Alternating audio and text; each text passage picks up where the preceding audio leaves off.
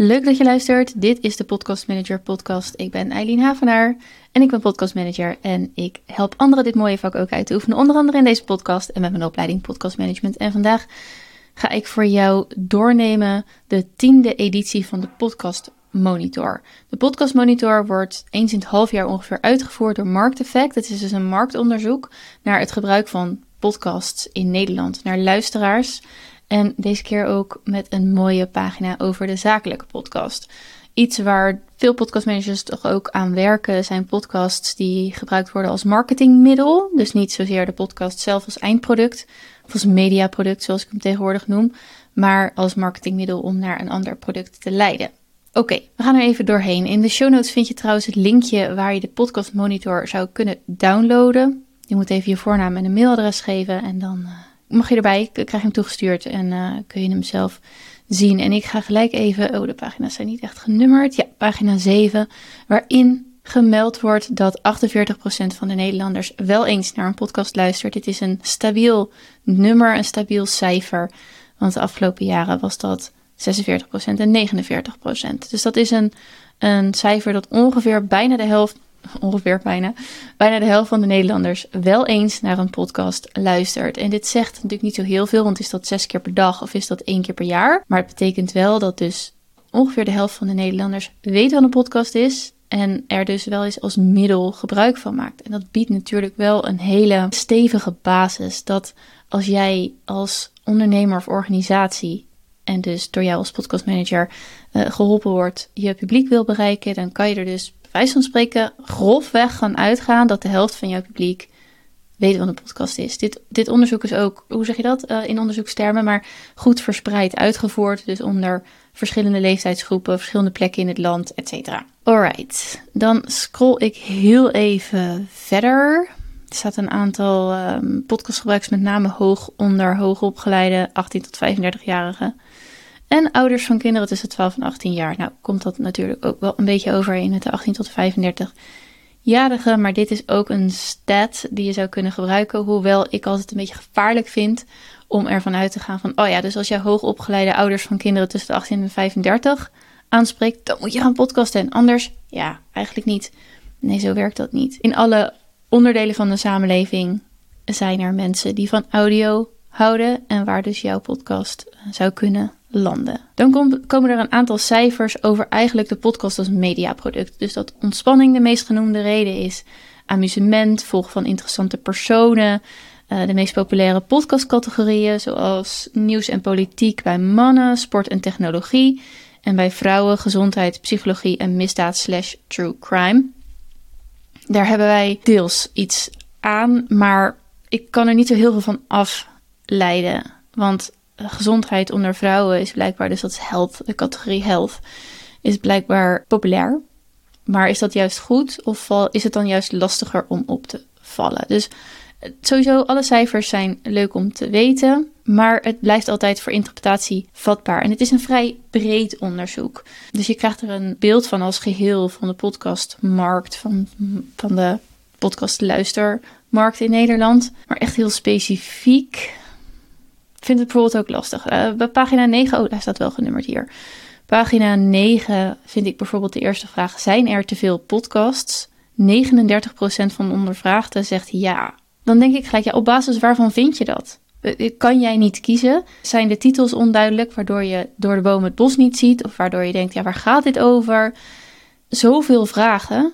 Ik vind het namelijk best wel veel dat 39% van de mensen die hier is, podcastluisteraars zie ik hier. Even kijken. Ja, podcastluisteraars. 1001 mensen zijn dat gevraagd. Dus 390 mensen daarvan hebben gezegd: ja, er zijn te veel podcasts.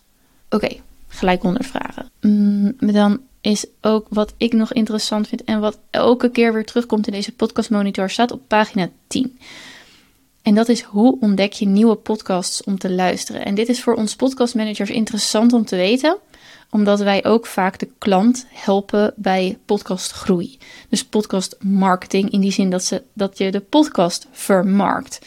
Dus hoe krijgt jouw klant, hoe krijgt de podcaster nou nieuwe luisteraars? Staat je op pagina 10 is dus leuk om eventjes door te kijken, maar 47% van de podcastluisteraars ondervraagden zegt dat ze tips van familie en vrienden krijgen mond-tot-mond reclame dus. En het tweede is via social media. En dat kan natuurlijk ook weer van alles betekenen. Zijn het reels die ze zien op Instagram? WhatsApp wordt ook wel social media uh, benoemd. Um, of krijgen ze bijvoorbeeld via social media iets doorgestuurd of worden ze getagd. Dus dat is eigenlijk weer mond-tot-mond reclame. Uh, als je getagd wordt door een vriend of, of, of, een familielid of iemand die je kent. Wat ik nog wel het interessantste ook vind hieraan is suggesties via andere podcasts. Uh, dat is 30%. Dat is best een hoog cijfer ook. Dus 30% van de ondervraagden ontdekt nieuwe podcasts door suggesties via andere podcasts. En die kun je voor naar je klant vertalen op verschillende manieren. Nou, sowieso te gast zijn in andere podcasts of gasten uitnodigen in jouw podcast kan een groeistrategie zijn, omdat je dan in de oren van alvast podcastluisteraars komt. Of je kunt ook uh, via het netwerk van jouw gast wat bekender worden. Maar het hoeft niet alleen te gast zijn te zijn. Suggesties via andere podcasts zegt mij ook dat je een samenwerking kan aangaan met een bepaalde andere podcaster die misschien in dezelfde niche als jij zit, maar net een andere boodschap heeft of een ander format. Als jij vertelt over voeding, dan vertel jij misschien uh, heel in de diepte, of jouw klant dan, in de diepte over uh, wat koolhydraten precies zijn, wat het doet met je hormonen, wat het uh, echt, echt wetenschappelijk. Terwijl je misschien een collega podcaster hebt die heel uh, praktisch is. Dus vijf tips om meer groente te eten, 16 no-go's om je glucose niet enorm omhoog te laten schieten, weet je wel. Dus daarin kun je ook een samenwerking aangaan en dat vergt een bepaalde soort podcast vriendschap podcast vertrouwen in elkaar. Dat je dus elkaar aanraadt, maar dat je dus ook vertrouwen hebt in jezelf van de mensen die in het wetenschappelijk geïnteresseerd zijn, die blijven wel bij me. En de mensen die in het hele praktische geïnteresseerd zijn, die zijn dan beter af bij mijn collega. Dus suggesties via andere podcasts. Laat er je creativiteit op los. Trouwens, ik heb een reactie gehad via Spotify. Had ik nog nooit gezien en gehad. Vond ik ontzettend leuk. Dankjewel, Milou. Mocht je dus hierop willen reageren of daar een tip voor hebben voor een collega podcastmanager die ik nog mee kan nemen, dan kun je naar me mailen, eileen.podcastmanagementacademy.nl. Maar je kunt dus blijkbaar ook een reactie achterlaten in Spotify. Dan pagina 11, een zakelijke podcast. Hij moet blijkbaar vooral leerzaam zijn door relevante informatie en ontwikkelingen. Wat mij zoveel zegt als de zakelijke podcast, dus de podcast als marketingmiddel, zo vertaal ik hem dan maar eventjes, moet vooral waarde brengen in kennis, vaardigheden, etc. Wat ik ergens wel jammer vind, is dat er niet gevraagd is naar de persoonlijkheid of de host. Dus er staat waarom je ze beluistert. Dan zijn er vijf keuzes. Het is leerzaam slash interessant. Het bijhouden van kennis. Het is op de hoogte blijven van ontwikkelingen. Professionele ontwikkelingen en inspiratie opdoen. En ik vind dat die allemaal een beetje op hetzelfde neerkomen. Natuurlijk zitten er nuanceverschillen in. Het bijhouden van kennis is misschien anders dan professionele ontwikkeling. Hoewel ik denk, ja, moi. Maar ook hier is het net als bij een podcast als mediaproduct, is de host vaak een van de belangrijkste verbindende factoren. Hè? Sluit je aan op de host? Vind je het prettig? Heb je iemand ontdekt op Instagram of op TikTok en wil je meer van diegene zien of wil je er meer over weten? Dus ook hier denk ik nou, dat er vragen zijn gesteld over dat het leerzaam moet zijn alle vijfde antwoorden uh, hebben iets met leren te maken. Dus daarin zit zeg maar de diversiteit niet echt. Maar goed, er wordt wel uh, heel veel gereageerd op. Dus breng vooral nieuwe inzichten, kennis. En daar, daar gaan de zakelijke podcastluisteraars in dit onderzoek blijkbaar op aan. Verder is relevantie, inhoudelijke verdiepingen, actueel zijn de drie elementen waar een zakelijke podcast aan moet voldoen. Wat in die zin wel weer heel erg past naar welke doeleinden er worden genoemd. Kijk, als het relevant voor je is, dan wil je er meer van. Uh, inhoudelijk verdiepend en actueel slaat natuurlijk wel heel erg terug op het leerzame.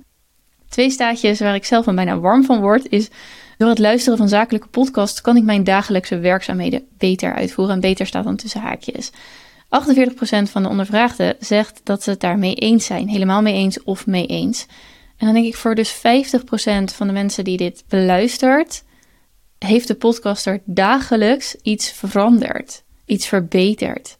Ja, dat is toch mooi. En dat voor zeg maar een marketingmiddel. Hè? Dus, dus niet eens het mediaproduct zelf, maar toch een middel dat je gebruikt om je producten te verkopen, je diensten onder de aandacht te brengen en maar ook de juiste persoon voor je producten of diensten te vinden.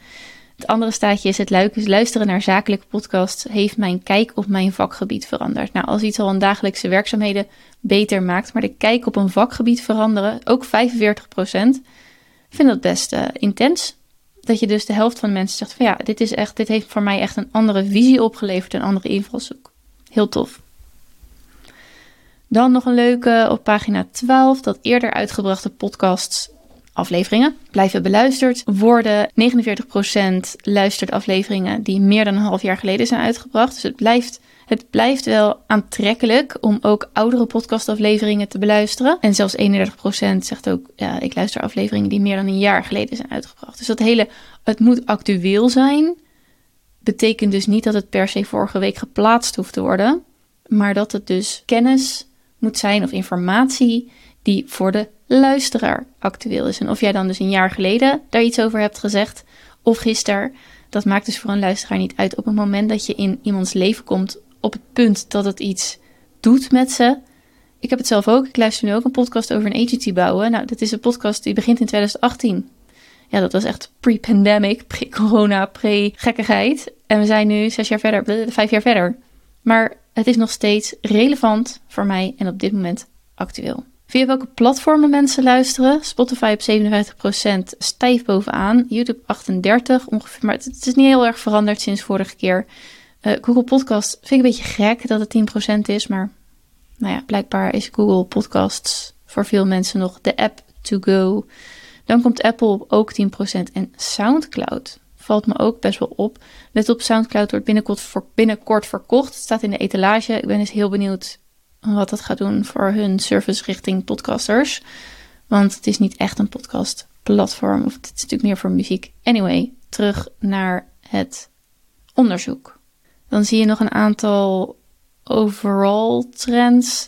Bijna twee op de drie podcastluisteraars luistert een podcastaflevering bijna tussen haakjes helemaal af. Nou, dat, dat was al zo en dat blijft dus zo.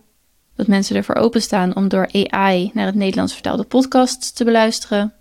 Ja, dat snap ik ook, vooral als je weet dat het door AI is. Interesse in podcast bekijken is toegenomen. Uh, ik denk dat het ook meer te maken heeft met de bekendheid van de videopodcast. Uh, dat is natuurlijk weer een heel ander verhaal of je dat zou moeten doen of niet. Maar het, het wordt meer gemeengoed, zeg maar. En dan een stuk over betaald luisteren. En ik zit inmiddels op pagina 19. Dat betalen om iets te beluisteren wordt ook wat meer gemeengoed, wordt wat, wordt wat normaler.